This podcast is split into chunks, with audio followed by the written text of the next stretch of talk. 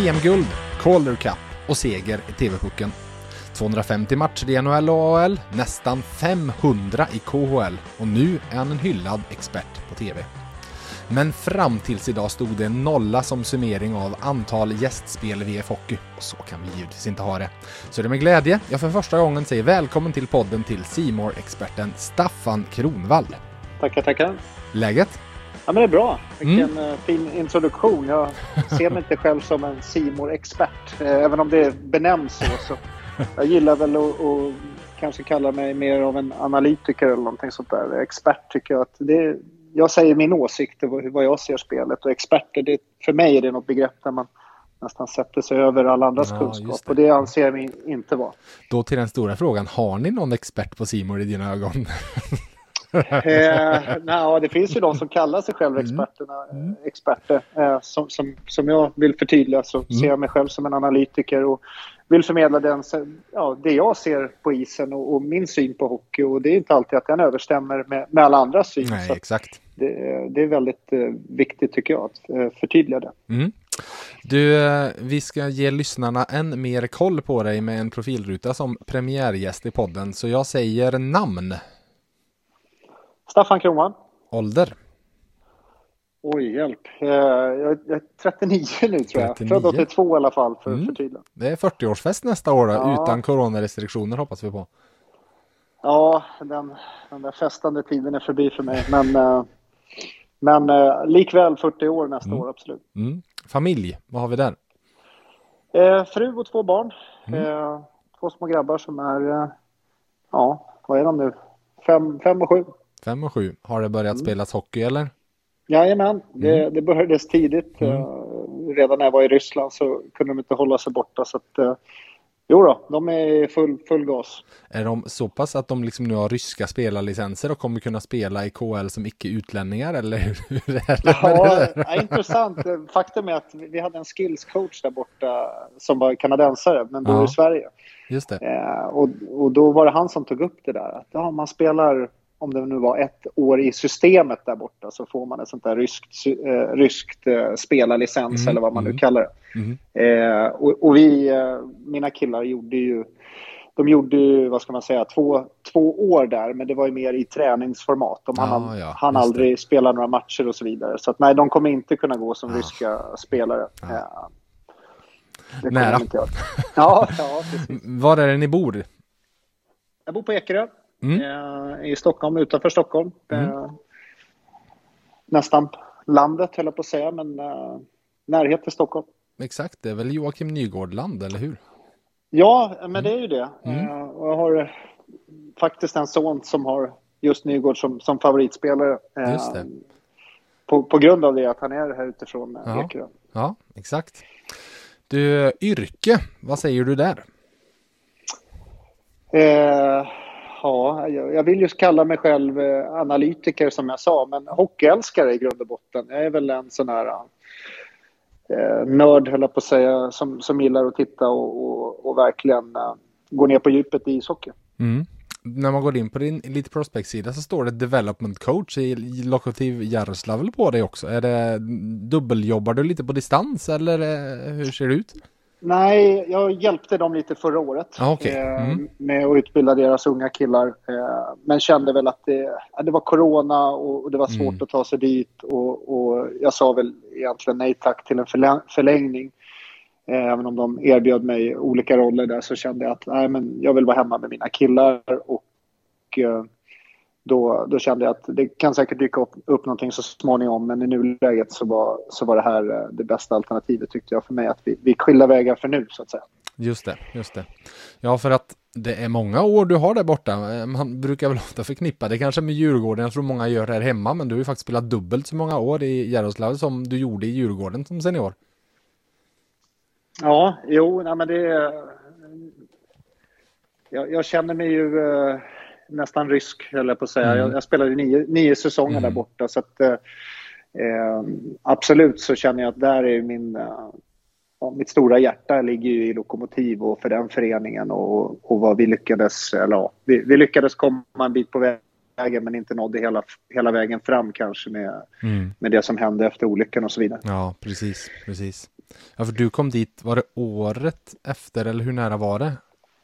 Ja, det var året efter. Ja. Jag var andra, andra spelare att skriva på där för klubben som gjorde att det var väldigt speciellt. Jag tog det väldigt ärofyllt att bli tillfrågad ja. så pass nära in på olyckan. Ja. Så att, eh, stor del till varför jag blev kvar där i så många år var att vi hade en gemensam respekt och, och kärlek för varandra. Mm, exakt. Du, när du tittar på tv eller surfplatta eller vad du nu tittar på, vad tittar du på för något? Jag tittar på ishockey eller så tittar jag på barnprogram. Mm. Eh, det är det enda som rullar hemma och det är oftast ishockey faktiskt. Mm. Så ser ett riktigt snyggt hockeymål ut enligt Staffan Kronvall. Oj, det finns ju så... Jag kan ju ta jättestor eh, respekt i att liksom påchecka fast eh, en puck i anfallszon, skapa ett sånt här momentum som jag gillar mm. och, och, med spelare som, som har den förmågan att är medvetna nog att förstå att man kan skapa momentum. Mm. Eh, det kan jag gilla, allt, allt från det till en snygg eh, klapp-klapp-spel. Eh, men eh, det, det, jag kan inte svara på det, för jag tycker att eh, det finns så extremt många snygga hockeymål. Eh, gör det. Men om jag ska ta ett exempel så tyckte jag det var ett väldigt snyggt mål faktiskt som, som Malmö gjorde just mot Färjestad där i torsdags förra veckan. När de, Eh, gjorde det här fina klapp-klapp-målet eh, mm. när Delaros eh, ramlade olyckligt där. Mm, mm. Precis, ett, ett, ett snyggt mål. målet. Ja, men exakt. Ja, verkligen. Du eh, lyssnar på, vad är det då i lurarna?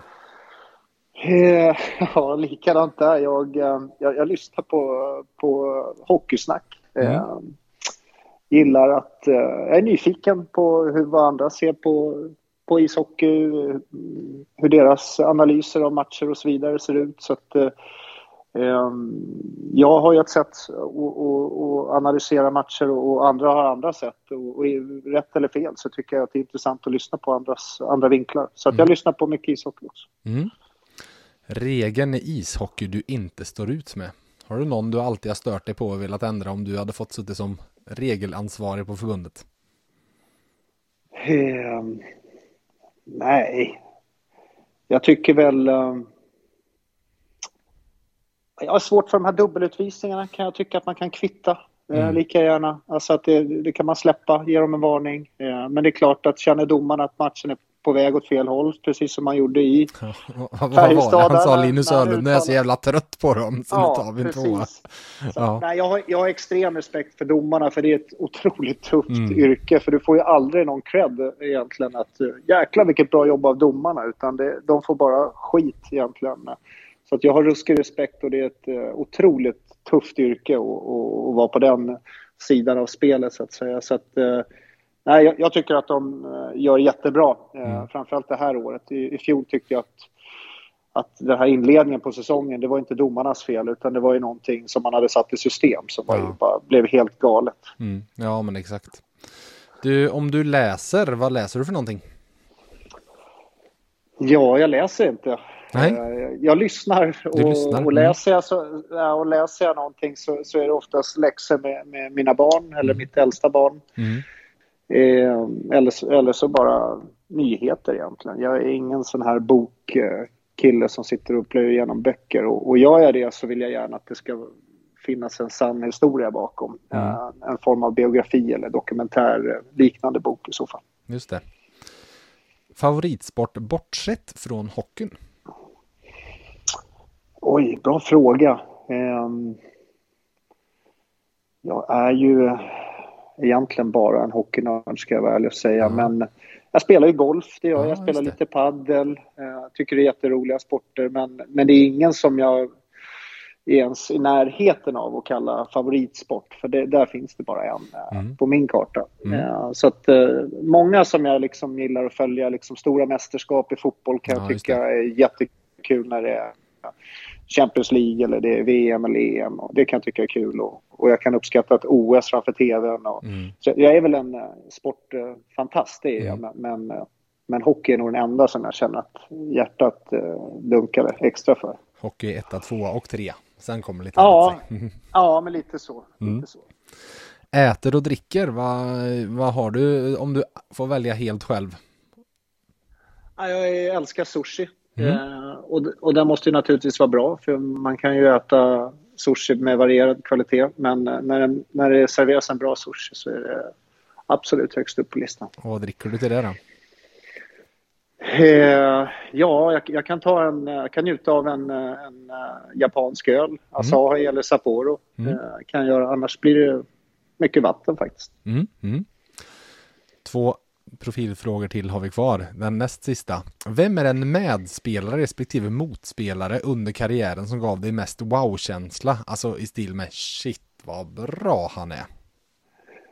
Eh, ja, ska jag ta medspelare till att börja med så skulle jag nog säga att när jag kom över till Toronto där så tyckte jag att eh, en back där, Thomas Kaberle, tyckte jag var ruskigt bra. Han var precis i sin prime där Mm. Eh, dominerade match in, eh, egentligen, ja, egentligen varenda match skulle jag säga. Eh, under två, tre säsonger där i Toronto. Och han var en sån här kille som jag verkligen sa wow, vilken, vilken känsla för spelet och mm. blick och, och, och, rörde sig på ett sätt. Eh, så han skulle jag nog säga var, var jag ruskigt imponerad av när jag kom över.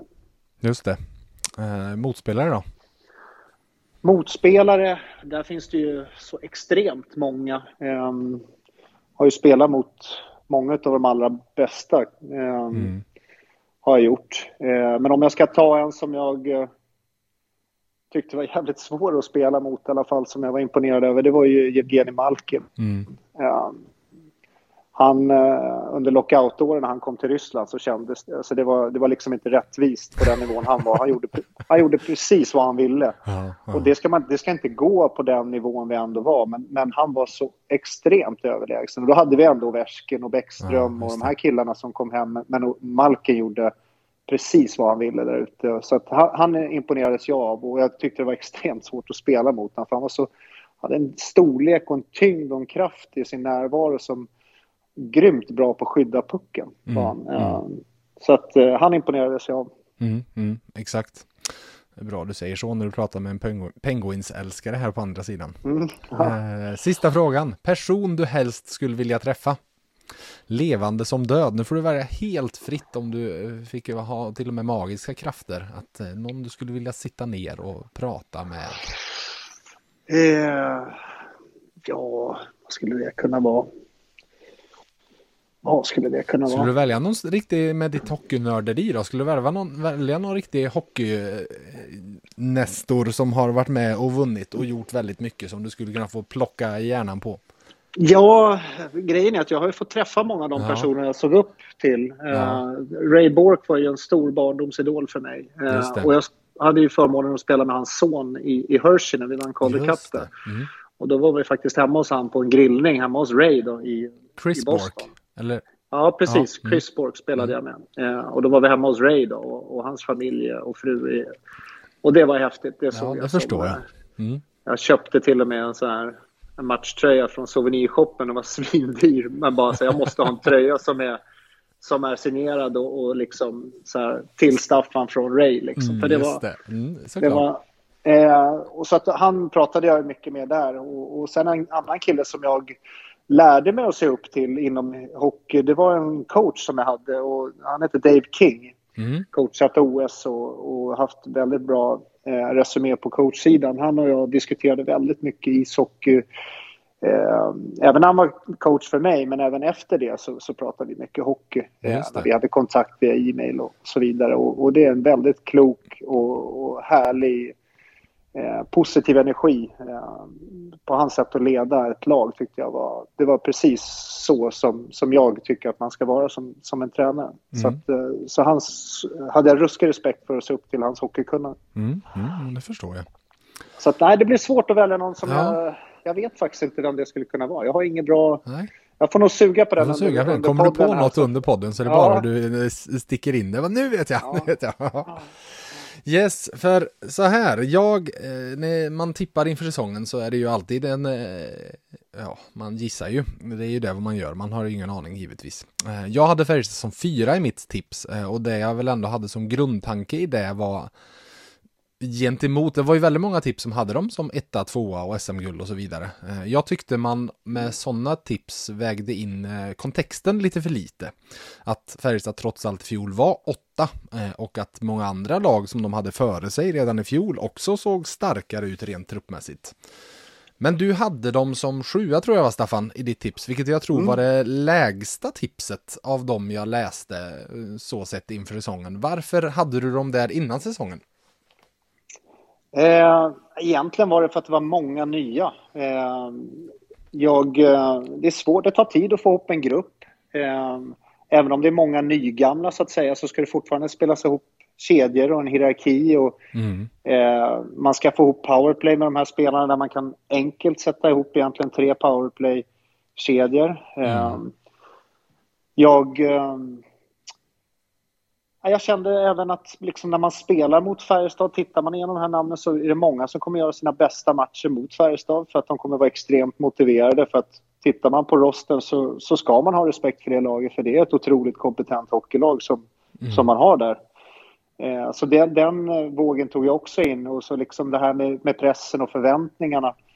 Eh, och jag tror även att jag nämnde det att, att även om jag har dem som sjua nu, att, att utesluta dem från ett, liksom att gå långt i ett slutspel, det, det gör jag absolut inte. För jag, det här är ett lag som, får de ihop de här bitarna så, så kan de mycket väl gå ja, åtminstone till semifinal kanske hela vägen. Mm. För så pass kompetenta är de, men att det skulle ta tid att få ihop liksom, det var nog rätt eh, eh, övertygad om att att det kommer nog inte liksom vara en dans på rosor från dag ett. Nej, exakt, exakt. Eh, I lördags eh, då i första periodpausen mellan eh, Färjestad och Rögle så tändes en tanke i mig när jag i periodpausen hörde det snack som du och Niklas Wikegård hade. Dels för det var intressant men dels för att det även kändes som det fanns betydligt mer att säga och att, att, ni, att du och slash ni hade mer att säga än det som fanns, ja, tv-formatet tillät om man säger så, med de minuterna som fanns där. Eh, vi kan väl göra så här att först så klipper vi in och lyssnar på det som ni faktiskt sa där i simor sändningen tillsammans med Björn Oldén.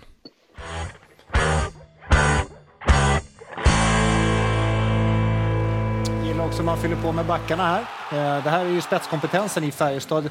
Det Gustav Rydahl gör det första han släpper och öppnar upp, tar ny position och, och sen här i nästa läge så fyller man på med backarna. Så det här är spetskompetensen har man, men jag efterlyser de här detaljerna i spelet. När jag tittar och analyserar ishockey så, är, så är jag liksom, dissekerar jag sporten ishockey, hur jag tycker att sporten ska spelas. Så det kan vara allt från en, en bra dump till att skapa långa anfall till att liksom verkligen maximera och göra jobbet för motståndarna. Mm. Vad har du sett då, då nu? Ja, om vi, om vi nu ska gå in på de här detaljerna. Ja, ja. Delvis så tycker jag just att man, man delvis dumpar dåligt. Mm. Eh, jag tycker man måste vara medveten i situationer vart spelen finns. Eh, Men varför är detaljer så viktigt då, Staffan? Vi kan ju prata, vi tar det här. Det handlar ju väldigt, väldigt mycket om att göra det svårt för motståndaren och ja. lätt för sig själv hela tiden.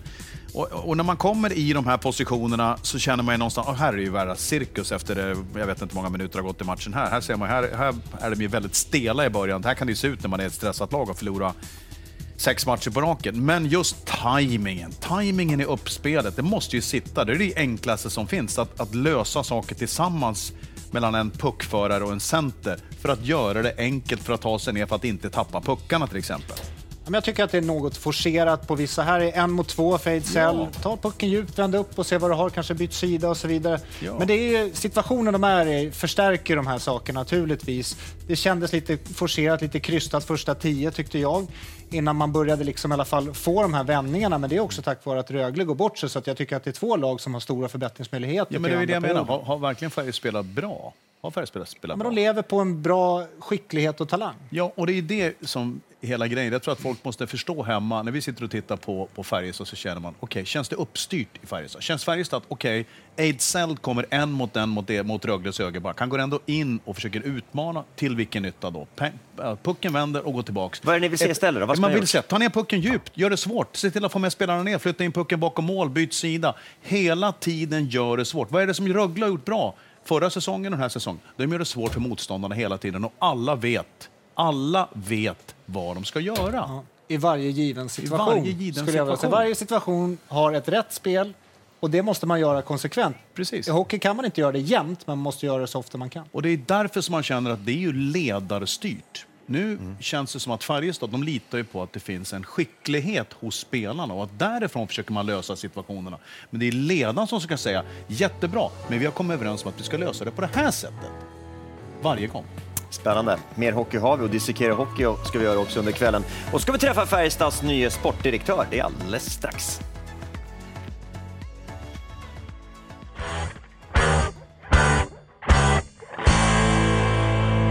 Yes, nu ska vi väl göra det du Ja. pratade om där. Du pratade om att dissekera, eh, dissekera sporten på riktigt. Så eh, om, om jag bara lämnar ordet fritt först bara.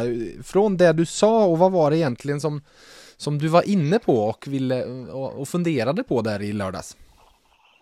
Eh, nej, men vi, vi, jag har ju en liten arbetsskada där egentligen, där jag verkligen, ja, som jag sa, där, när jag dissekerar ishockey, jag bryter ner i minsta detalj, så, eh, så går man igenom bra saker men även dåliga saker. Och, och jag tror att, jag minns inte exakt vad jag sa, men framförallt de inledande tio minuterna i den matchen så tyckte jag att det var, det kändes något krampaktigt. Eh, Eh, Just, och det, det är läget man, man ligger i egentligen, eller låg i då, så det var ju kanske fullt förståeligt.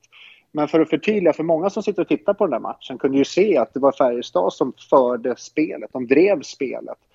Eh, Jag är ju en nörd när det kommer till detaljer. Och när jag menar de här detaljerna så, så är det allt från liksom, om vi tittar på uppspelen, där tycker inte jag att det fanns en tydlig plan. Eh utan det kändes som att man gick back, back och sen forcerade man den upp längs med sargen. Eh, centern gick på sin backhandsida i coverage som man säger, alltså med en motspelare på sig utan att vara tillgänglig. Jag, jag upplevde inte att alla var på, på liksom, att man var förstående med vad man gör i uppspelet. Jag tyckte någon situation där så tyckte jag Marcus Nilsson tog en fin båge. Men då gav man inte den till Marcus Nilsson utan då gav man den till sin backpolare och sen så forcerar man upp längs sargen och Marcus Nilsson fick gå tom. Eh, jag tycker ju som back, eh, nu minns inte jag vem, vem, det, vem det var det spelar egentligen ingen roll, att när du tar upp pucken i banan då ska du ju ha en, en prioriteringslista på 1, 2 och 3 kanske. Och då är första alternativet ska alltid vara att ge pucken i, i händerna på din center eller på den spelaren som man har kommit överens om. Här, här är vårt första alternativ. Det är att lägga den på Marcus Nilsson. Skulle jag vilja ha pucken i hans händer så mycket som det går. Tar de bort det, ja då ska det finnas ett alternativ två. Tar de bort det, ja då, då kanske vi söker back-back. Mm. Eh, så att gå back-back för mig är kanske tredje alternativet i uppspel. Eh, Såvida man inte har då kommit överens om vi går back-back och då slashar vi igenom och går en tipp in och så vidare. Eh, men då ska det finnas en plan för det och det var det jag tyckte inte riktigt att det fanns. Det kändes som att man var osynkade. Är det någonting i- du känner har varit eh, återkommande under den här säsongsinledningen för Färjestad? Nej, alltså jag skulle inte säga att det har varit det stora problemet och pekat ut det som... Eh, jag tror att hade man haft ett bättre powerplay hade man vunnit tre, fyra matcher och då hade vi inte suttit här och sagt att fan, vilken tung start Färjestad har. Och man, har man har även haft eh, dåligt, eh, alltså special teams generellt, alltså även i, i penalty kill har varit svagt. Så hade man fått upp siffrorna i där, då, då sitter man inte och pekar ut uppspelen som en liksom faktor, utan nu var det just den här matchen, de inledande kanske tio minuterna som jag var inne på. Då, tog, då tyckte jag att uppspelen, där var man inte synkade. Jag tycker att en sån spelare som Ejdsell, som, som jag tycker han börjar komma igång nu, och jag gillar liksom ändå att han känns som att han är på väg. När han kommer en mot två innanför blålinjen så förväntar jag mig att en sån kompetent spelare inte ska ta den svåra vägen och gå liksom klubba skridsko. Eh, utan jag tycker att han ska ta det djupt eller åtminstone på utsidan, skydda pucken, använda sin storlek, eh, köpa tid för sina medspelare att, att komma in och hjälpa. Och på så sätt kan du skapa det här momentumet som jag var inne på tidigare. Att Det finns vissa nycklar där du liksom kan skapa momentum i anfallszon och det tycker jag liksom att man är dåliga på generellt i svensk hockey. Att, att ha förståelse för vilka lägen du kan skapa momentum. Då måste man hålla vid det där momentumet för det skapar ett psykologiskt övertag. Att motståndarna känner shit, vi är tillbakapressade. Även om man kanske inte skapar så mycket chanser, men är du en minut i egen zon så känns det liksom jäklar vad tungt. Du åker med, med, till båsen med raka ben och så påverkar det nästa byte och byte efter det. Så man liksom maler ner dem på så sätt. Eh, och det tycker jag generellt att Färjestad i de där inledande tio minuterna hade flera möjligheter att göra. Eh, men man gav sig inte chansen, man gav sig själva inte chansen att skapa de här långa anfallen. Och då kunde det vara allt från liksom dåliga nedlägg, dåliga dump. Man hade någon dump rakt ner till målvakten som gjorde att han, liksom, pucken gick ut lika fort. Mm. Även där måste finnas en tanke med nedlägget. Sätt nedlägget på en spelare i fart som har chans att checka fast pucken. Mm. Eh, jag tycker till exempel vid målet eh, eh, i första situationen så Jakobsson gör ett jättebra i forecheckingen. Pucken går bakom mål. Pontus Widerström tycker jag i det läget ska... Är du kvar? Ja, jag är med. Jag med. Ja. Mm. Det ringer här på andra linan. Eh, Pontus Widerström får pucken bakom mål, något under press. Ja. Där vill ju jag att han ska redan ha uppfattat att vi är två mot fyra. Ja, där ska det, en, att per automatik ska pucken gå vidare till höger upp till bortre back. Mm. Istället slänger man den tillbaka i, i, i det hörnet där trafiken kommer ifrån. Spelvändning, man överbackcheckar och Jakobsson står liksom... Jag vet inte varför han går ner och försöker täcka ett skott där, men det är, det är liksom historia. Men i den situationen, där har man möjlighet att skapa ett långt anfall. Mm. Istället så går man tillbaka i trafiken och du får en kontring mot det. Eh, det är sådana detaljer som jag liksom tittar på när jag analyserar hockey. Eh, och som man inte förstår. Det, alltså, det förstår jag att inte alla har koll på. Mm. Utan jag, jag tycker de här bitarna, jag tycker liksom, går man in på powerplate, även där, det måste finnas en plan för powerplate. Mm. Eh, man gör den här rotationen på vänstersidan, Marcus Nilsson, om det är Nygård eller om det är Åslund och, Mm, och Rydahl där som gör en rotation. Det är ju för mig ett startskott på, en, på ett möjligt spel, alltså en, liksom en variant. Mm. Men, men det kändes inte som att alla var inte med på det spelet, vad som skulle hända. Och, och ingenting hände, utan man tog något liksom så här, ett halvdant avslut från sidan. Utan när man gör den rotationen, då vill jag se att okej, vi, har en, vi har ett skott i slottet och vi har en på bakdörren och vi har liksom alla vet vad de ska göra. Mm. Det kändes som att de två gjorde den här rotationen. Resten stod och bara tittade. Okej, vad händer nu? Mm. Eh, många saker, som sagt. Jag kan prata om det här i timvis, men Ja, precis. Nej, För jag vet en sak som ni sa där i, i, i sändningen var att alla vet vad de ska göra i varje given situation. Eh, nu nu Ja. som sagt pratar ni om den första perioden. Om vi tittar liksom på lite större, i ett större perspektiv på Färjestad och den säsongsinledningen de har haft med alla förluster och den tabellplacering som ja, du tippar om sjua men inte ens där. De är ju nära just nu eh, så sett. Hur, eh, hur känner du kring, dem, kring Färjestad spelmässigt i ett större perspektiv? Nej, alltså jag, jag tror att man måste få ordning på special teams. Och då hade de inte suttit och diskuterat Färjestad som något krislag eller något liksom problem. Då hade man vunnit tre, fyra matcher och det hade fortfarande inte varit att det var liksom wow vad bra Färjestad är kanske. Men, men man hade inte haft samma krisstämpel på sig. Så, så, så små marginaler är det i hockey. Jag tycker till exempel om man, om man ser till om man jämför med fjolåret så tycker jag ändå att man är mer bekväma egen zon, alltså i sorteringen och så vidare. Men däremot så har man varit alldeles för mjuka framför eget mål.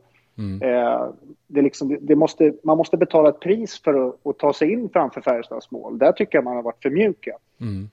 Eh, och eh, så där finns det mer en tuffhet att eftersöka. Sen tycker jag även att, att jag tror Johan sa det också, att man, man har tappat mycket liksom tredje man högt i anfallszon. Så, och det är lätt att säga att det är backarnas fel för att det, liksom, man släpper in mycket mål. Men det, är, det brukar jag också säga, man, man anfaller med fem och försvarar med fem. Och väldigt ofta så är det just sådana här bitar att man, man tappar en tredje man i anfallszon som skapar en tre mot två eller en fyra mot tre. Och vilket gör det svårt då för backarna ehm, att försvara mot det. Och då, då kan det liksom upplevas att vara dåligt backspel. Men i själva verket, om man bryter ner det, så, så kan det vara en forward som tog en dålig, dåligt beslut i anfallszon. Mm, exakt.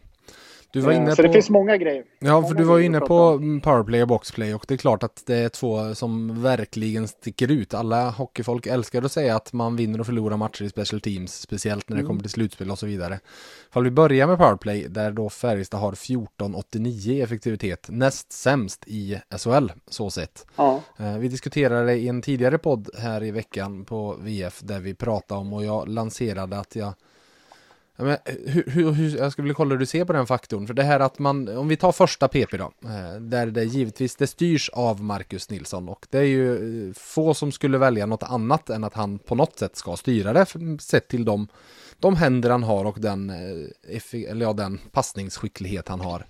Hur ser du på att det, med att han styr det i högra teckningscirkeln och att det står en vänsterskytt på blå i det läget? Eh, har egentligen inte så jättestora problem med det, att det står vänsterskytt på blå. Eh, av den anledningen att eh, som, som back så är du nästan bättre på att vandra in i banan eh, från liksom högerposition in mot vänster så att du får mitten så att säga för att öppna upp ytan för Marcus Nilsson. Ja, just det. Men då, då, krävs ju också att Marcus Nilsson rör sig upp i den ytan över och tar den ytan och sen attackerar man. Mm. Jag tycker att man blir ganska stillastående och sen eh, om man ser på de här senaste två, tre matcherna så har man nästan inte gett skalet eh, upp till backen överhuvudtaget utan man har liksom nästan låst fast i den här rotationen där nere. Mm. Eh, det känns som att det, det, som spelplanen har varit har varit att de, ja men den där rotationen har ju skett ganska ofta men sen att det Lillis har stått och sökt är passningen över för direktskott att han ska flippa den igenom tre klubbor och när han inte vågar slå den så som du säger så har han blivit väldigt stillastående och det nästan landat i att han står där ingen går på honom eh, och ingen passning kommer heller. Nej, nej men du, du har helt rätt. Eh, jag tycker, om jag får liksom se vad jag ser, mm. Eh, min åsikt, så tycker jag att man har ingen spelare i boxen utan man har ställt ner Linus Johansson står ju på toppen av målgården mm. och sen har man då Nygård som står nästan bakom förlängda mållinjen. Mm. Eh, där tycker jag att man liksom kastar bort en spelare. Jag mm. skulle vilja ha en spelare, i en perfekt värld så skulle jag vilja ha en right-skytt i slottet. För då kan ja, Marcus Nilsson servera både en right-skytt och till Viksten på bortre. Mm, mm. Eller Joel Nyström var det väl i det här fallet. På bortre. Och då kan de två liksom, när mittenkillen går upp, då går den andra ner. Och så går man så som en liksom jojo, för du kan inte ta bort båda alternativen. Nej. Men om du inte har två right-skyttar där, då har du inte samma hot. Eh, vilket gör då att ska du ha en leftare där i mitten, då ska Marcus Nilsson kunna, för att han ska kunna vara ett hot, då måste Marcus Nilsson gå upp högre mm. Och så skjuta för en styrning på han i mitten. Mm, då precis. kan han vara ett hot. Lite likt eh, Linus Omark-målet, 2-2 målet, mm, Färjestad-Luleå ja, på söndagen, när han skjuter. Ja, precis. Mm. precis. Eh, för då måste man komma upp högre om man vill söka den ytan. Mm. Eh, så jag tycker att liksom, jag tycker att Linus Johansson ska vara mer i boxen och så tycker jag att Joakim Nygård ska stå framför målet. Sen ska han jobba ut, ut till, till den här förlängda mållinjen, men han ska fortfarande vara framför den förlängda mållinjen, för då kan han servera passningar till bortre om man får ner den. Mm. Men återigen, då har du fortfarande en leftare i mitten eh, som gör att det är svårt att skjuta som leftare. Där får du liksom nästan bara stöta pucken. Ja, precis. Men, jag tycker väl det, men det stora problemet för mig där, det är ju den här att man jag tycker att man kastar bort en spelare. Man, man utnyttjar inte att man är, har enmans övertag när man inte har någon på insidan mm. i boxen. Eh, sen med Lindqvist skadad och så, så kanske man inte kan ha rätt folk med rätt klubbvinklar. Nej, eh, precis. Men, jag, men jag tycker att det är extremt viktigt, precis som jag sa i uppspelet, alla spelare, alla fem spelare på isen måste förstå att när pucken är här, ja då har vi de här två, kanske tre alternativen. Och det är upp till var och en att att läsa spelet där. Mm. Beroende på hur motståndaren spelar. För som, som, som Marcus Nilsson, han tittar ju egentligen bara, de skickligaste spelarna, de vet ju redan vad sina egna spelare är. De tittar på vad motståndarna, vad deras klubbor är, hur de rör sig. Mm. Eh, men då gäller det att alla vet exakt, okej okay, om motståndarna gör så här, då ska vi göra så här. Om de gör så, då gör vi så. Så att man ska, alla fem spelare måste förstå vart man har hoten från varje liksom, puckposition. Var pucken är här, ja, då ska vi göra så. Mm. Och, då, och, det är precis som jag sa med uppspelet. Det måste finnas en plan. Eh, mm. Eh, och då finns det plan 1, 2 och 3. Mm. Exakt. Och någon av dem kommer alltid funka. Hallå där! Dags för en ny vana. Läs de senaste nyheterna med VFs pluspaket när och var du vill för en krona om dagen i 90 dagar. Med Plus får du tillgång till allt innehåll på sajten och i nyhetsappen Läs mer på vf.se erbjudande.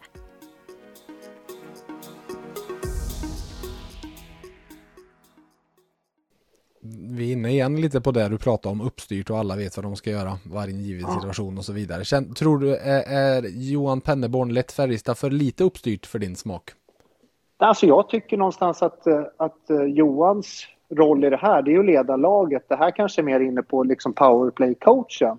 Ja. Och, och, och, om man tittar på eh, det spelarmaterialet man har så tycker jag kanske att spelarna ska kunna ta ett större ansvar också. För kompetensen finns ju i de här spelarna. Liksom mm. Linus, Johan, Linus Johansson, Rydahl, Wikstrand. Eh, det finns ju många, mm. liksom eh, Delaros, det finns många kompetenta hockeyspelare i det här laget mm. eh, som, som vet om de här bitarna. Som borde kunna dra det här loket tillsammans. Och, mm. och jag tror att man kommer att få ihop det mycket bättre än vad man har. Men jag gillar också tendensen att man, har, man nästan behövde den där 0-3 underläget mot Malmö för att bli mm. arga och förbannade. Mm. För att jag tycker de har tagit med sig det, den, liksom spelet utan puck har ju varit mycket bättre. Mm. Eh, tycker jag. Att mm. Det känns liksom mer rejält framför egen kasse. Man spelar klart situationerna. Man tappar inte tredje man, även om man gjorde det vid Olofssons mål där mot Malmö. Mm. Men efter det så tycker jag liksom man har täppt till det där och och eh, Pennerborn var ju ute och sa där till, jag tror att det var vår kommentator Edlund där, att mm. man ska ta den enkla manualen. Och han menar ju såklart de här grejerna som jag var inne på med Ejdsell. Att mm. Mm. Ta pucken djupt, att utmana en mot två. Det spelar ingen roll om du gör en jättebra dragning i första, för sen ska du göra en till. Och risken att du lyckas med det är ju minimal. Mm. Eh, så man måste spela lite på procenten och kanske allra viktigare när man är i den situationen man är i. Mm här liksom ligger man topp fyra och alla har självförtroende av, av rang, ja, då kanske man till och med lyckas där. Mm. Eh, men man måste liksom vara medveten om situationen i matchen, situationen för laget, vilka möter man? Det kan jag tycka är jätte, en spelare som jag gillar jättemycket, Viksten. Mm. Om du tittar på övertidsmålet som eh, Linus Johansson ja, gör mm. mot Luleå. Om du tittar på vad Viksten gör där, när han går upp, då ser han att han först, okej, okay, Honka är där. Då söker han upp Linus Omark. Mm, exakt. Jag spelar hellre en mot en mot Linus Omark än mot Julius Honka, för Honka mm. är back. Mm. En sån liten detalj gör ju att Wikström tar sig förbi Drag, Omark. Den dragningen när han släpper pucken hade inte lyckats på Honka, tror du? Nej, nej. nej. inte på kanske någon nej. back. För de är vana i de situationerna. Ja. Men han, han söker upp Omark. För mig är det liksom en intelligens. Mm, mm. Eh, som jag tycker, liksom, återigen, det här, det här ska man trycka på i svensk hockey. Att när ni spelar tre mot tre, ja, men sök upp en forward, för oftast har du en back och två forwards. Ska ja. du anfallas, attackera forwarden. Han är inte van att åka baklänges ens. Nej, precis. Eh, likadant så kan man jobba som man gör i basket med screen, som man rullar ut och mm. liksom, liksom vara försiktig med att inte ta utvisning, men mm. man kan screena spelare och på så sätt enkelt kan komma på insidan. Det, det finns många sådana här små detaljer som jag mm. liksom, mm. ja, trycker och trycker på när jag jobbar mm. med de spelarna jag har, som, som jag jobbar med. Mm. Så att, eh, för att utveckla och utbilda dem för att, hur du ska tänka i socker. Mm, exakt. På tal om att tänka eh, och på tal om special teams. Vi pratar powerplay, vi måste givetvis ta några ord om boxplay också. För där är siffran 69-64, eh, vilket är klart sämst i SHL. Eh, och för att sätta det lite i perspektiv, titta, jag tittar de senaste tio säsongerna och det är bara två lag av allihop som spelat då de där tio åren som har landat under 70% efter säsongens slut. Malmö gjorde det förra säsongen och Leksand gjorde det året innan. Eh, och då kan jag väl säga att det är två lag som båda under respektive år befarats vara på väg ut ur SHL. Leksand slapp ju kvala och Malmö var ju en stark spurt som eh, Leksand slapp ju kvala på grund av att det ställdes in kvalet ska jag säga. Och Malmö var det ju en stark spurt som gjorde att de inte hamnade där alla trodde de skulle hamna eh, en bra bit in på säsongen. Så vad ser du som Färjestads största problematik med boxplay-spelet? Jag eh, tycker egentligen inte att det är några stora saker, utan igen, alltså hockey, det, det går så fort och skillnaden mm. är alla de här små detaljerna som jag precis pratade om i powerplay, på samma sätt är det i boxplay. Eh, jag kan minnas, jag, jag är dålig på sådana här med underliggande siffror mm. och sånt, för jag gillar att se matcherna och göra min egen analys. Men, mm. men spontant så får jag en känsla av att det har säkert varit en tre, fyra mål för förlorade tekningar. Mm. Eh, en sån sak. Hur viktigt tycker man att det är att vinna teken i, i, i, i boxplay? Mm. Alltså det, det, är egen zon, det, alltså det är ett kritiskt alla tekningar i ytterzonerna, anfall som försvar, är ju kritiska lägen. Det är målchans för, mm. kopplat till det här. Mm. Och jag, jag, vill minnas i alla fall... Ja, jag vill minnas Lukas Ekeståhl Jonsson knäppte väl in någon där. Mm. Eh, var det mot Färjestad, tror jag? Eh, om, kanske kanske Örebro gjorde något för någon mm. två veckor sedan också. Ja, de, tittar vi på tecknings, teckningsstatistiken så är det ju ingen, eh, det är ingen bra läsning. Jag tror bästa Färjestadspelare Linus Johansson är typ 35 i SHL eh, i teckningar. Ja, och ja, han du, ligger ja, du på ser. runt 50. Ja, men då skulle jag vilja se, bryta ner det till ytterzonerna och, mm. och powerplay, boxplay för att mm. se liksom att finns det några mönster där också. Mm. Men för i teckningar i ytterzon är det, det är kritiska moment. Mm. Eh, och jag, som sagt, jag, jag har ingen aning om hur procenten är där, men jag kan bara konstatera att jag vet, eller jag kan i alla fall se framför mig två eller tre mål åtminstone som sker av förlorad tek. Mm.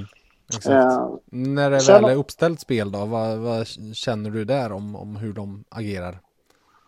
Även där så får jag jag tycker att sam, samarbete mellan målvakt och back och, och, och, där upplever jag att det många, många avslut kommer från högersidan, alltså Färjestads vänster. Mm. Eh, jag menar nu senast, den ska, den ska ju först ha naturligtvis i lördags mot Rögle på Tambellini. Den ska, den ska han ju ha, det sista mm. målet då. Mm. Eh, eh, den ska han ha, men sen kan jag tycka det här målet som, som eh, Pajärvi gör i Malmö, där måste man som försvarande, bortre, bortre stolpen, det, det ska man täcka. Eh, mm, okay. mm. Eh, och, och jo, låta målvakten jobba på, på första stolpen. Nu får ju han en perfekt träff liksom, som gör att ja, det händer. Och, och liksom, mm. Fan, det går fort och, och, och, det händer. Men jag upplever att det är många mål som kommer från den högersidan. Och då ska det vara ett bättre samarbete mellan, mellan back och målvakt egentligen. Så att man täcker bort ytan och målvakten kan bara koncentrera sig på första stolpen. Och då får fan inte gå igenom någonting Nej. där. Och det kommer att göra det, för ibland sitter de ribba in och då är det mm. bara att gratulera och säga ett bra skott. Men mm spelar man procenten så ska det inte bli så många mål som det har blivit därifrån, tycker jag. Nej. Sen en annan viktig sak som jag tycker i, eh, i Färjestad, det är ju när man har pucken på bladet så måste pucken ut ur zon. Alltså mm. det måste man trycka extremt mycket på. Att, att när du har möjlighet att rensa pucken, då ska den ut till varenda pris. Mm. Den här att liksom tävla och desperationen att den ska ut.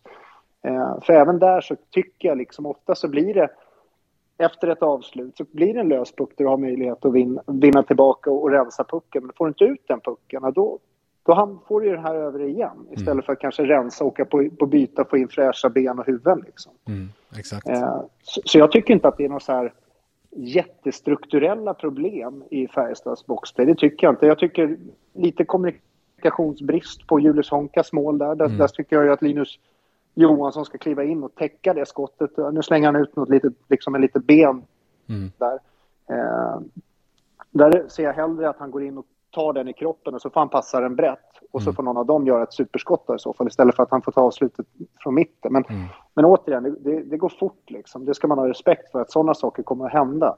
Mm. Så jag skulle mer trycka på tekningen och när det är en lös puck, då måste vi fan vilja få ut den mer än motståndaren ska vilja ha kvar den. Mm. Jag måste bara ta med tanke på att du pratade om tekningar och eh, pratade om den detaljen som viktig. Eh, det är ju vanligt med centrar att de har en högre tekningsprocent, högre effektivitet i offensiv zon än i defensiv zon. Eh, så ser det ut på nästan allihop. Men Linus Johansson har alltså hittills den här säsongen, det är han som tar klart flest tekningar i Färjestad ska vi säga. Han har vunnit 64% av tekningarna i offensiv zon. Han har vunnit 40 i egen zon. Ja, Ja, det är märkligt. Jag är ingen center själv, eller var inte center. Men eh, det kan jag tycka... Där ska man nästan bryta ner och se om det är någon sida som han är mm. starkare mm. på, vänster eller höger sida. Kanske han är starkare och, och, och teka forehand eller backen och så vidare. Men det borde ju vara jämnt fördelat, eh, kan jag tycka. Eh, mm. Men det kan också vara att motståndarna är liksom att, att du är extra motiverad i anfallszon för att skapa, liksom, som forward så vill man ju såklart göra mål. Mm. Kan det vara så att, att den man möter i, liksom i sin egen försvarszon är mer motiverad än en själv? Jag vet inte. Jag, jag, tycker att det är såklart att det är en jäkla talang att vara en bra center. Mm. Men 95 procent är ju inställning och viljan att vinna den teken. Jag, jag minns en tek när det var bara så fyra, fyra eller sex sekunder kvar i matchen Frölunda-Skellefteå innan uppehållet där. Mm. Och jo, Joel Lundqvist möter Oskar Möller, två kompetenta, erfarna spelare. Och Joel skiter fullständigt i pucken. Han bara väl, vräker omkull Oskar och, och rensar pucken. Mm, eh, och, och, och, där säger mig liksom så mycket. Jag skiter med att ta en utvisning. Det får kosta vad det kosta vill i det läget. Det är liksom pucken ska ut till varje pris. Mm, mm. Och det tycker jag är häftigt när man ser sådana spelare som förstår vikten av alla de här Mm. Tävlandet som pucken, när man har chans att vinna en puck. Så ska man liksom, det betyder så otroligt mycket att, att de här lösa puckarna, det, det är något som man inte heller kanske förstår där hemma. Det låter så klyschigt, men det, gör man det upprepande gånger så är det så jäkla tufft att spela mot sådana lag som tävlar så mycket i varje situation. Mm, exakt. Du, innan vi går vidare och eh, dissekerar Färjestad så har jag på nytt den stora glädjen att dela ut en finalbiljett i vår stora lyssnartävling. Eh, att det var Vegas Golden Knights som blev det 31 laget i NHL eh, kunde ni många av er, men närmast tidpunkt för första målet i Färjestad-Malmö förra veckan var Mikael Zetterström. Så grattis till dig Mikael! Förutom finalbiljetten vinner du ett presentkort värt 500 kronor hos Christer på ICA Maxi Bergvik samt en bag från VF att bära hem det du handlat i. Skicka ett mejl till hockeyvf.se med din adress så ska vi se till att du får dina priser. Grejer som ni andra också givetvis vill vinna, så spetsa öronen och gärna nu för här kommer den här veckans fråga från Christer på ICA Maxi Bergvik.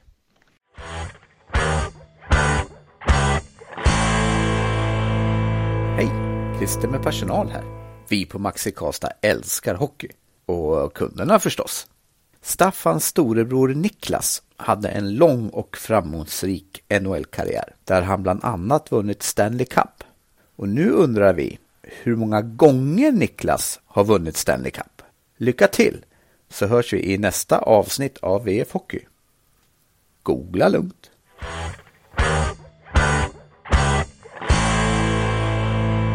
Skicka svaret på frågan samt när ni tror att första målet görs i mötet mellan Färjestad och Leksand lördagen den 11 december.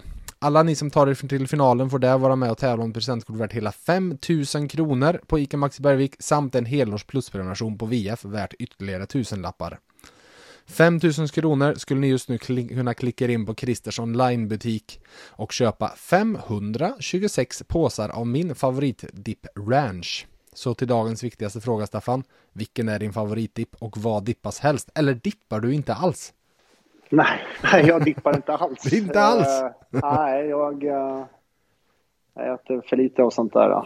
Eller för, Gott. alldeles lagom kanske? Ja, jag, jag äter inte alls om jag ska vara ärlig. Jag eh, tycker att det är supergott som alla andra, men, men eh, samvetet efter man har ätit den där får jag en illamående nästan. Men eh, ja, Du vet morotsstavar och sånt, då börjar vi ju nästan säga att det är fint fredagsmys. ja, Något ja men det, det kan jag... Hade det serverats så hade jag definitivt dippat både en och två gånger. Ja, just det. Du ser, du ser. Mm. Du, eh, vi ska gå vidare in på Färjestad och eh, på, på, lite på lagbyggesmässigt. Och vi kan väl börja med han som nu är den som styr allting högst i topp. Eh, Peter Jakobsson, Rickard Wallin, Peter Jakobsson ut, Rickard Wallin in var förra veckans stora nyhet. Hur ser du på det bytet? Hur ser du på Rickard i hans nya roll som sportslig direktör? Eh, diffus roll kan jag tycka, sportdirektör. Jag vet inte riktigt vad, vad det innebär. låter men, fint. men eh, ja, nej, men det gör det. det, gör det. Och jag, har, eh, jag har spelat med Rickard och har full respekt för hans hockeyöga och kunnande. Och, eh, är en kille som jag tror... Eh, han, han, det blir bra. Eh, sen är det att liksom utvärdera hans kompetens i en sportchefsroll. Eh, Mm. Han är ju helt oprövad såklart. Mm. och det finns inga garantier att han kommer lyckas med det. Men eh, känslan jag har och, och den Rickard Wallin jag känner är att han kommer göra ett, ett jättebra jobb och se till att och ta in det folk som krävs. För Mm. det tycker jag kanske är hans allra viktigaste eh, uppgift, är att sätta ihop ett lag som, alltså på ledarsidan som drar åt samma håll. Man har, man har samma synsätt och man kan jobba prestigelöst med varandra och inte ha liksom någon sån här jag är chef över dig och, och du är chef över mig ut- och liksom knuffa och sparka neråt. Utan, det tror jag är jätteviktigt. Eh, och jag tror att det är framgångsfaktor för alla SHL-lag om man tittar på, på Växjö, om man tittar på Skellefteå och, Frölunda och så vidare så tror jag att man sitter ihop. Eh, man jobbar prestigelöst mellan tränare, sportchef och, eh, och liksom tränare generellt och även spelare. Så man, vill, man ska dra åt samma håll. Och Mm. Jag har ingen aning. Jag, jag gillade Petter Jakobsson jättemycket och jag vet inte riktigt eh, de, jag kan bara spekulera att man inte har dragit åt samma håll uppenbarligen, att man har haft olika åsikter mm. hur saker och ting har skötts. Det är väl det enda liksom, faktor jag kan dra. Men, men min erfarenhet av Peter Jakobsson är bara bra, likväl som, som Pennerborn har jag full respekt för också. Så att, eh, jag, jag har för dåligt med insyn för, för att uttala mig vad som mm. problemet var egentligen. Mm. Ja, men exakt. Eh, om vi tittar på det laget han kommer till som Peter då byggde eh, så får vi väl säga hur, det är väl svårt att säga något annat än att kvalitetsmässigt så har Färjestad i alla fall en forwardsida kvalitativ nog att slåss i toppen. Håller du med mig om det? Absolut, absolut. Det är ju det, är det, ja, det bästa skulle jag säga i SHL namnmässigt. Mm. Eh, så har man inte lyckats få ut allting av varje spelare men, men säsongen är inte slut än. Nej, precis. Har man med Dominik Furch en målvaktssida av ungefär samma klass tycker du, eller hur ser du på den? Eh, med tanke på hur Furch har sett ut sedan han kom så tycker jag inte att han är, eh, har visat än att han är värdig eh, eh att jämföras med Färjestads forwardskompetens. Nej. Nej. Eh, men, men återigen, vi baserar ju forwardskompetensen på vad de har gjort tidigare och baserar man vad Furch har gjort tidigare så kan han absolut nämnas som en toppmålvakt i SHL. Men han har inte visat det likväl som, som kanske flera forwards i Frölunda eller i Färjestad har gjort det än heller. Så att, Eh, att kompetensen finns i först, det är jag övertygad om. Eh, och, och, jag tror att hela, hela Karlstad hoppas ju på att, att, de här, att man får ut fulla kompetensen. Mm, ja, men exakt. Men vi ska dyka in lite på backsidan, ditt eh, specialområde får vi väl ändå kalla det. Eh, och jag tänkte vi körde rakt upp och ner, spelare för spelare och vi går i form av eh, så mycket istid de har fått. Eh, och då, det finns ju en som har fått, som har spelat väldigt lite eh, och som jag inte är säker på hur bra koll du har på honom för han har bara gjort några matcher. Men har du någon koll överhuvudtaget på Anton Berglund? Har du hunnit sett honom? Nej, det, det ska jag vara ärlig och säga. Han har spelat 11 matcher tror jag. Ja, 408 eh, istid på dem. Ja, så sett. Nej, nej, och det är inte rättvist att göra en utvärdering på att spela fyra minuter per match heller tycker jag. För det, nej. det är alldeles för lite. Så att nej, vi, vi hoppar över Anton och, och hoppar upp på de, de andra sju seniorbackarna för där vet jag att du har eh, koll på dem för de har spelat desto mer eh, även fast den första jag ska nämna har spelat ganska lite för han varit skadad men eh, 12.35 i snitt i istid har Jens Westin haft på det han har spelat. Hur ser du på Jens?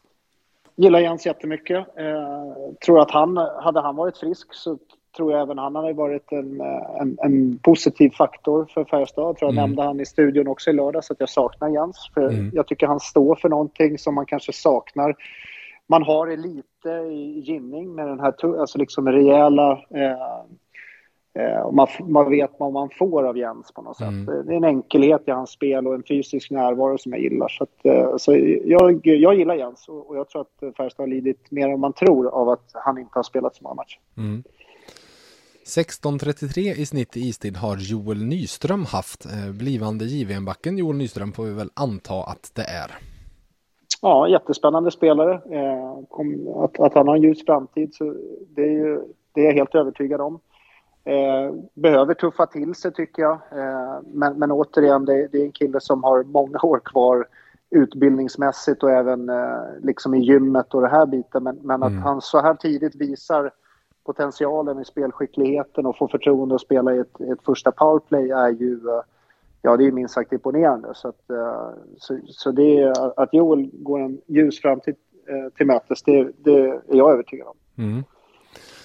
Om vi tittar på eh, en av de underliggande statistikerna, som finns i Corsi eh, och där har Färjestad fyra backar som ligger över 50 procent och ligger man över 50 då har man väl på något sätt en mer positiv inverkan än negativ inverkan när man har varit på isen. Eh, den som ligger bäst är näste man som har 53-52 och har snittat 17,45 i istid. Mattias Göransson, hur ser du på mm. honom? Jag tycker han har fått en positiv utveckling i Färjestad, kommer mm. från Leksand. Eh, haft dålig koll på han tidigare. Jag vet inte om han har spelat i, han spelat college. I college. Ja, ja precis. Mm. Ja. Så jag har dålig koll på han. Eh, jag tycker han har varit en positiv injektion. Även här tycker jag att det finns mera tuffhet att eh, eftersöka. Det är en stor kropp som jag tycker kan vara mm. mer elak på mm. isen. Mm. Men jag tycker att han har tagit kliv i Färjestad. Det tycker jag absolut och det finns en potential där. Men om man ser på eh, på han som spelare, för hans utveckling, så tror jag att han behöver bli lite mer elak och spela mer med vad man brukar säga en edge, alltså mm. mer en attityd. Eh, eh, så finns det, ja, han har, han har bra utvecklingsmöjligheter. Mm. Två sekunder mer än honom i snitt har Adam Ginning haft, 17.47. Hur ser du på Adam? Gillar Adam. Eh, tror att om man går in i ett slutspel med den här backuppsättningen som man har idag så kommer Adam behöva vara ännu mer av en general. Eh, jag tycker att Adam är ung, han är, vad är han, 21? Han är väl född mm. 2000 va? Mm. Eh, och eh, man lägger ett stort förtroende i hans, i hans tröja och skridskor. För jag tycker, jag gillar han, jag gillar Adam. Jag tycker att han är, är den som spelar med attityd. Sen kan jag tycka att, uh, att han gör det lite svårt för sig emellanåt. Men mm. killen är 21 år gammal. Det här, om kanske ett, två, tre år så kommer han hitta den här balansen. När han ska vara elak och när han ska ta rätt beslut och hoppa med och, och göra liksom bra, bra spel med pucken. Uh, så, så jag gillar ändå Adam, för jag tycker att han står för någonting som man saknar övrigt i, i, i Färjestad. Mm. På tal om detaljer så pratade din simor kollega Sandy i deras podd om Adam Ginning här om veckan. Han pratade, tror han sa ungefär något åt stil, eh, han om, om, om just en detalj. Man kan inte åka med rak arm ut mot eh, spelaren som Adam gör, eh, har jag för mig Sandy sa. Vad menar han med det? Kan du förklara det? Nej, jag minns inte situationen faktiskt. Nej, men jag tror det var lite generellt sett att han tyckte, är det någonting man behöver tänka på det som back, att man eh, i hur man eh, åker ut för att, mot sarghörnen för att ta, ta an, ta sig an eh, forwarden?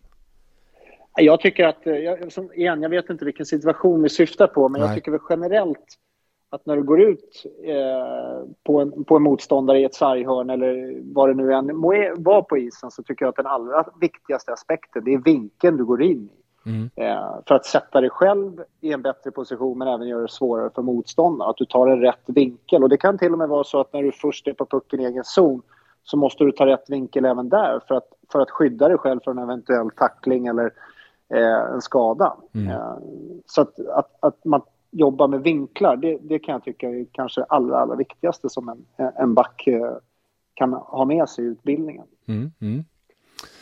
Du, en annan back som utbildats ganska mycket av din brorsa i hans roll i Detroit är näste man på listan som jag har diskuterat några gånger när jag träffat Niklas på läktare på lite olika ställen. Eh, 17.59 mm. i snitt har Albert Johansson haft eh, hittills den här säsongen i Istil. Hur ser du på Albert? Upp och ner, tycker jag. Eh, stundtals eh, klassiskt sådär andra år. Eh, mm. Vill ta steget lite för fort, vill lite för mycket möjligtvis. Mm.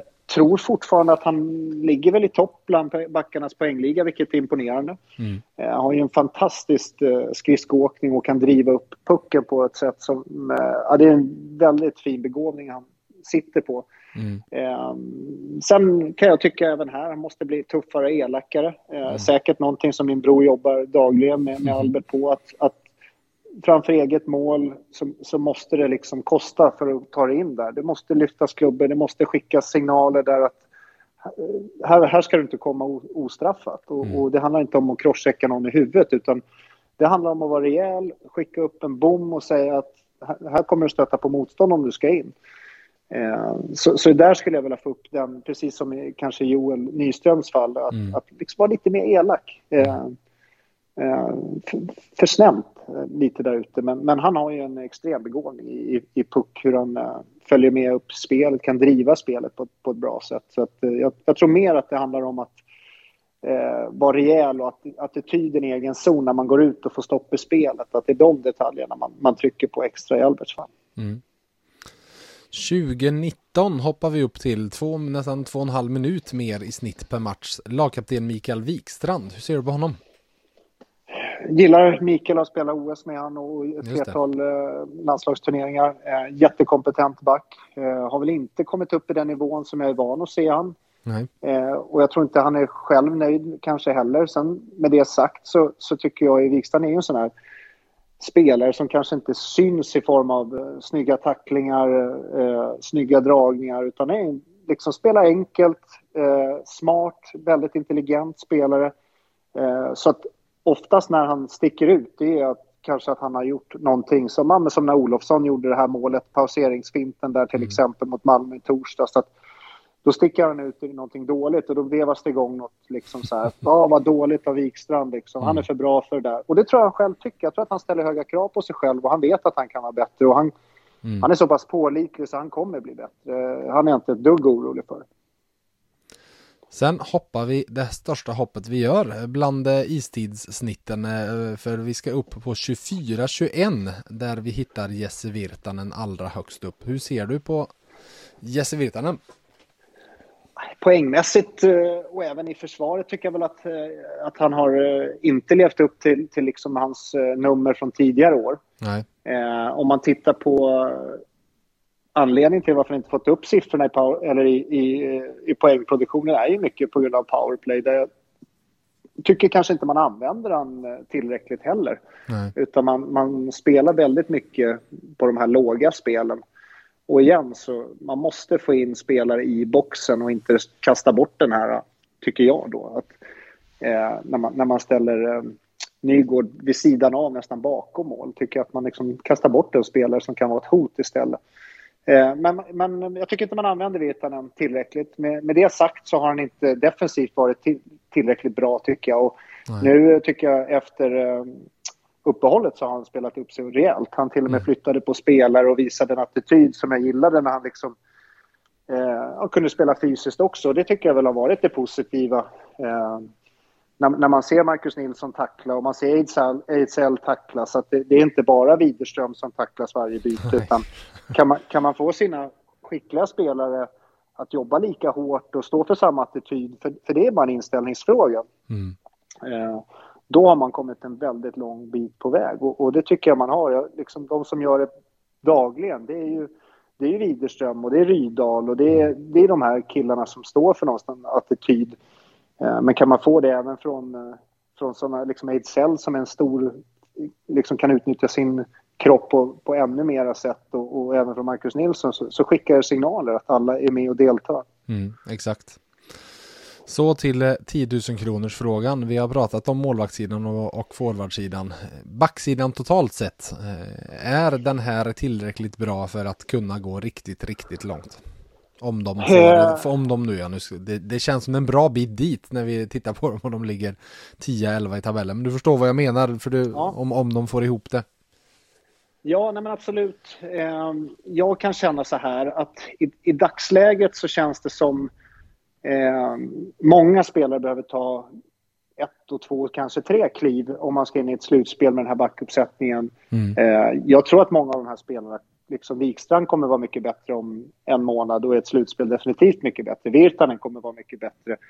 Eh, men jag tror en spelare som kommer behöva vara en general Eh, alltså typ en, en Tollefsen, en mm. Martin Schäfsen, en Sanne Lindström. Det kommer vara, det kommer vara Adam Ginning. Mm. Eh, han kommer behöva vara en general i ett slutspel om man ska gå långt. Och lägga det ansvaret på en 21-årig back, ja, det, det är tufft. Mm. Eh, eh, och, och sen vet vi inte med, med Jens Westin hur, hur hans eh, hälsa är heller. För jag tror också är en jätteviktig spelare i ett slutspel. Mm. Eh, så att det är inte så att jag säger att man ska gå ut och värva en back, absolut inte. Men man, be, man behöver ta kliv. Jag tyckte Albert eh, delvis liksom kunde inte anpassa sitt spel förra året i slutspelet. Jag tyckte Nej. liksom han vart, eh, hade det tufft i slutspelet för det, det, blir en helt annan fysisk anspänning. Mm. Med det sagt så tror jag Albert är bättre förberedd på det i år. Mm. Eh, nu går eh, Nyström in och gjorde, var, han, han var ju inne i slutspelet där också mm. men kanske inte lika mycket istid som han typ, har nu. Han hade gjort typ 10 SHL-matcher innan det slutspelet. Ja. Något sånt. Mm. Så, att, så att det är ganska vad ska jag säga, oerfaret lag. Om Jens Westin inte är i, i mm. uppställningen så är det ganska oerfaret lag, eller backuppsättning man går in med ett slutspel. Och då, behövs det, då krävs det egentligen att flera, alltså Göransson, Ginning tar jättestort, jättestort kliv eh, i, i, den fysiska delen och var jobbiga att spela mot och den här attityden som, som jag var inne på. Mm. Eh, men eh, ja, men det, det är en ut, utveckling och en utbildning som de måste liksom hela tiden driva. Mm. Eh, Färjestad måste driva det mot spelarna, spelarna måste driva det mot sig själva för att hela tiden vara nyfikna på att vilja bli bättre. Mm.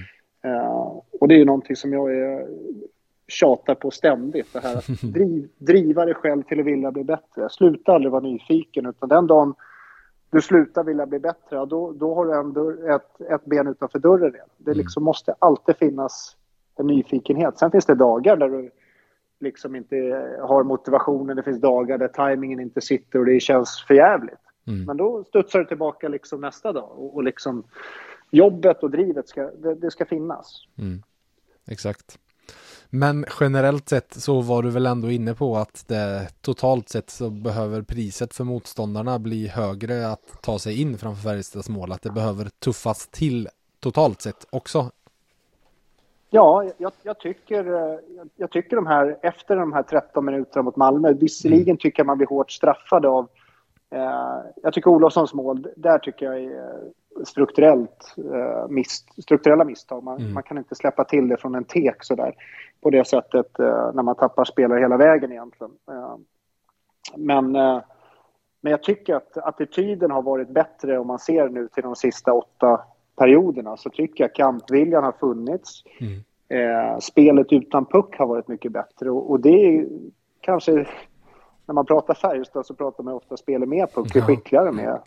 Men, men, spelet utan puck är ju någonstans grunderna, det är ju ryggraden i, i, i, i det man försöker uppnå och det ska finnas där varje dag. Mm. Skickligheten som Färjestad har, det kommer och går. För vissa dagar kommer powerplay vara bra och vissa dagar kommer det inte vara bra. Men mm. de här grundreglerna, spelet utan puck, att tredje man alltid är högt och att backar tar bra beslut när de pinchar och liksom att man tävlar på varje lös puck det, det, måste, liksom, det måste finnas varje, varje dag. Mm, mm. Eh, och, och, det har varit bättre. Och så fortsätter man med den här eh, mer attitydshockeyn eh, som man har sett i, i, åtta perioder så, så kommer det fortsätta så här. Men, men det är ju det är tufft att driva det här mot sig själv för det, det, det finns många kompetenta lag och det, mm. det är jobbigt att, att hela tiden ha det här drivet. Att ställa sig i gymmet efter en match Eh, för att hålla uppe den fysiska förmågan. Det är jobbigt, men det är det som gör att det liksom... Det är därför Joel Lundqvist fortfarande kan spela, för han, han tycker också att det här är jobbigt, men han har liksom en nästan en störning i huvudet att jag ska, jag ska, jag ska framåt. Liksom. Mm. Jag är inte nöjd här. En inre låga på något ja. sätt. Ja, verkligen. Uh, verkligen. Så att, uh, nej, men kan de fortsätta med den här kampen? Det, där hade jag ju tryckt på. Mm. Fortsätt med kampen. Kan de tävla som man har gjort nu de sista åtta perioderna här så, så kommer det liksom, då kommer det komma, börja komma lättare. Men så fort man börjar tumma på det, ja, då blir det tufft igen. Så mm.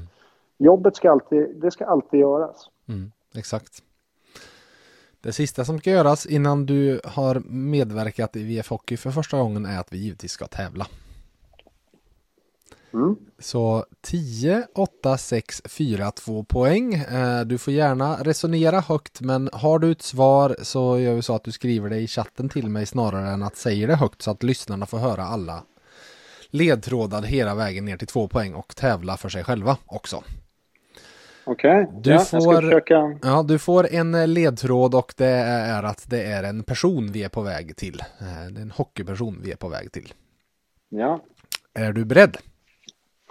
Ja, jag känner mig nästan nervös här. Det här är jag inte van vid. Men ja, vi testar. Hoppas att det inte gör det för svårt för mig. Nej, vi får se, vi får se. Mm.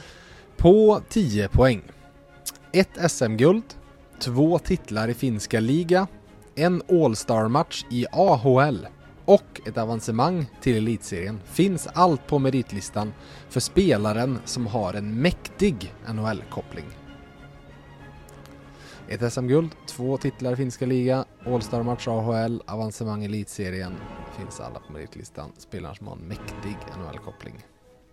Ja, jag känner ju att det där mäktig är någon, någonting som, kommer, som jag kommer behöva suga med mig här. Men nej, jag har inget svar på, på 10 poäng. Det har jag inte. Då kör vi 8 poäng. Spelade JVM som Färjestad-spelare säsongen 97-98 men hade innan dess SHL-debuterat i en annan klubb samma klubb som han nu jobbar i för övrigt. Oj, säg den där igen. JVM som Färjestad-spelare 97-98 men hade innan dess SHL-debuterat i en annan klubb. Samma klubb som han nu jobbar i för övrigt. Oj, den känns ju... Mm, nu fick du lite, nu har du i princip födelseår på eh, om du kan räkna bakåt och så vidare. Ja, om jag kunde det höll på att säga. Om det hade varit så, så bra ställt. Mm. Har du någonting på åtta poäng eller vill du höra sexan? Nej, nej, vi går vidare. Vi går Mm. vidare. Efter ett par NHL-säsonger i Chicago återvände han hem till elitserien, men då till Frölunda. Lägg till Linköping på listan och den enda av de fyra SHL-klubbar han totalt sett representerat är den, eh, som jag inte nämnt, är den som han har gjort tre olika sessioner i och som han nu jobbar i för övrigt. Alltså två Ja, NHL-säsonger. Du har ett svar på sex poäng. Mm. Ja. Men då fortsätter jag att läsa fyra poäng då. ja. Vilken klubb det handlar om? Djurgården såklart. Men trots att spelarna jag söker varit där tre gånger och du Staffan och han eh, och du har varit där två gånger så har ni faktiskt lyckats missa varann alla gånger. Hans högerskjutande brorsa Tiback däremot har du spelat tillsammans med. Känner du dig Ja. trygg i svaret? Absolut. Mm, då, tar vi, då tar vi två poäng också. De flesta med hans efternamn kallas Honken och står i mål. Men spelaren jag söker har dock spelat center och kanske lite ytterforward och lär nu upp nästa generation i rollen som J20-tränare i Djurgården. Och du tog det ju på sex poäng, för vilken är det? Mikael Holmqvist. Exakt! Med facit i hand, borde du ha tagit det tidigare eller följde... Nej, vet du vad? Jag, jag hade faktiskt ingen koll på att han spelade eh, J20 i, eh, i Färjestad. Det visste inte jag. Nej, ja, han kom ju till A-laget där och spelade blanda lite. Han och Christian Huselius kom samtidigt.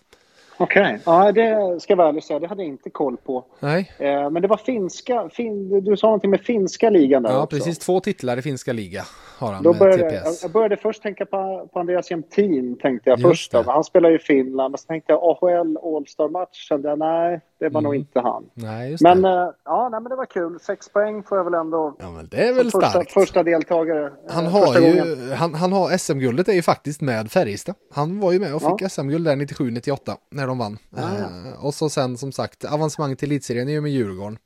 Mäktig. Tar du den nu då? Vad det är för någon mäktig NHL-koppling han har? Mighty Ducks. Ja, såklart. Han började ju där Ja, och draftades av Mighty Ducks. Ja. När de fortfarande hette Mighty Ducks.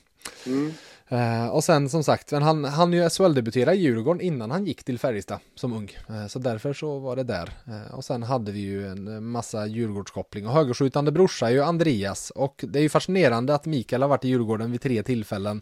Och det skiljer inte så många år på er och du har varit där två gånger men ni har lyckats att missa varandra. Ja, eh, jag känner, ändå känner jag Micke ganska väl faktiskt. Jag har ju spelat med Andreas också då, men, Mm. eh, men jag känner ju Mikael och det är eh, en bra hockeyöga, var en kompetent Mm. spelare som kanske inte fick ut sin talang till fullo tycker jag. Men, eh, men eh, kul att han kan få, få liksom utveckla spelare och det behövs flera sådana som eh, kompetent personal som, ut, som, eh, som utbildar hockeyspelare. Så det, det tror jag är helt rätt för honom. Mm. Du, Staffan, stort tack att du ville vara med i VF Hockey och utbilda lite hockeylyssnare i alla fall idag. Ja, jag hoppas att jag har bidragit med någonting i alla fall. Att jag inte får massa arga värmlänningar här på mig. Men de borde vara glada när, när, de, säger, när de hör att min son i alla fall är Joakim Nygårds eh, Exakt. fa- favoritspelare. Mm, du ser, du ser här, där, där har du alla Värmlands hjärtan vunna direkt. Ja. Nej, då är det ingen fara sen. Nej, men stort tack att du ville vara med i podden. Ja, tack själv. Tack Och själv till er lyssnare så dundrar vi vidare hela hockeysäsongen. Närmast så får ni ett VF Hockey veckans FBK-lagavsnitt nästa måndag. Men tills dess får ni ha det så gött.